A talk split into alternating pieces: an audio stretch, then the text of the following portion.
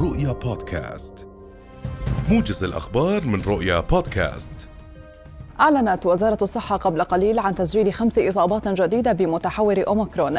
من فيروس كورونا جميعهم قادمون من الخارج. وقال مسؤول ملف كورونا دكتور عادل البلبيسي إن جميع المصابين تم عزلهم مؤسسيا في أحد فنادق العاصمة عمان. مشيرا إلى أن الوزارة تعمل على متابعة واستقصاء المخالطين لحين ظهور الفحوص المخبرية لهم.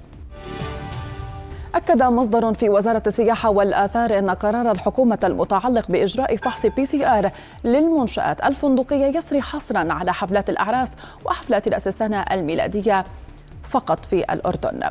وكشف المصدر أن الاستثناء المذكور جاء عقب اجتماع ضم وزير السياحة والآثار نايف الفايز ورئيس جمعية الفنادق الأردنية عبد الحكيم الهندي وأن الفعاليات المختلفة التي تقوم بها الفنادق من اجتماعات وعقد للمؤتمرات وبازارات وغيرها غير خاضعة لشروط فحص PCR وإنما تبقى خاضعة للبروتوكولات المعمول بها سابقاً. تواصل اللجنة القانونية في مجلس النواب اليوم الاستماع لآراء وملاحظات ومقترحات أعضاء سابقين أو أعضاء سابقين من المحكمة الدستورية بشأن مشروع قانون تعديل الدستور الأردني لسنة 2021 وواصلت اللجنة قبل يوم أمس الاستماع إلى آراء وملاحظات ومقترحات أساتذة القانون في عدد من الجامعات الأردنية بشأن مشروع التعديلات الدستورية. رئيس اللجنة عبد المنعم العودات قال إن اللجنة عقدت سلسلة لقاءات مع مختصين ومعنيين للاستماع إلى آراء ومقترحات من شأنها أن تساعد اللجنة النيابية في الوصول إلى قرارات صائبة. يستمع مجلس النواب يوم الاثنين المقبل إلى خطاب الموازنة العامة للسنة المالية 2022 يلقيه وزير المالية محمد العسعس وفق ما قال رئيس مجلس النواب عبد الكريم الدغمي.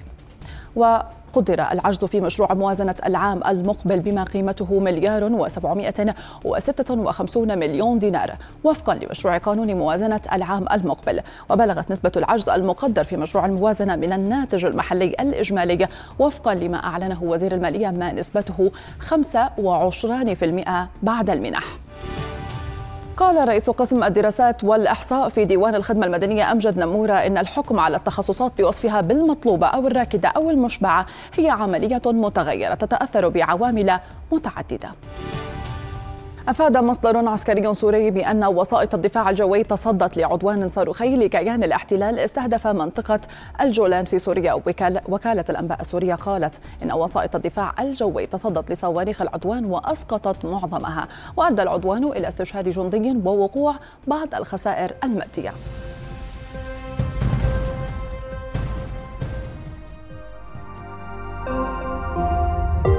رؤيا بودكاست.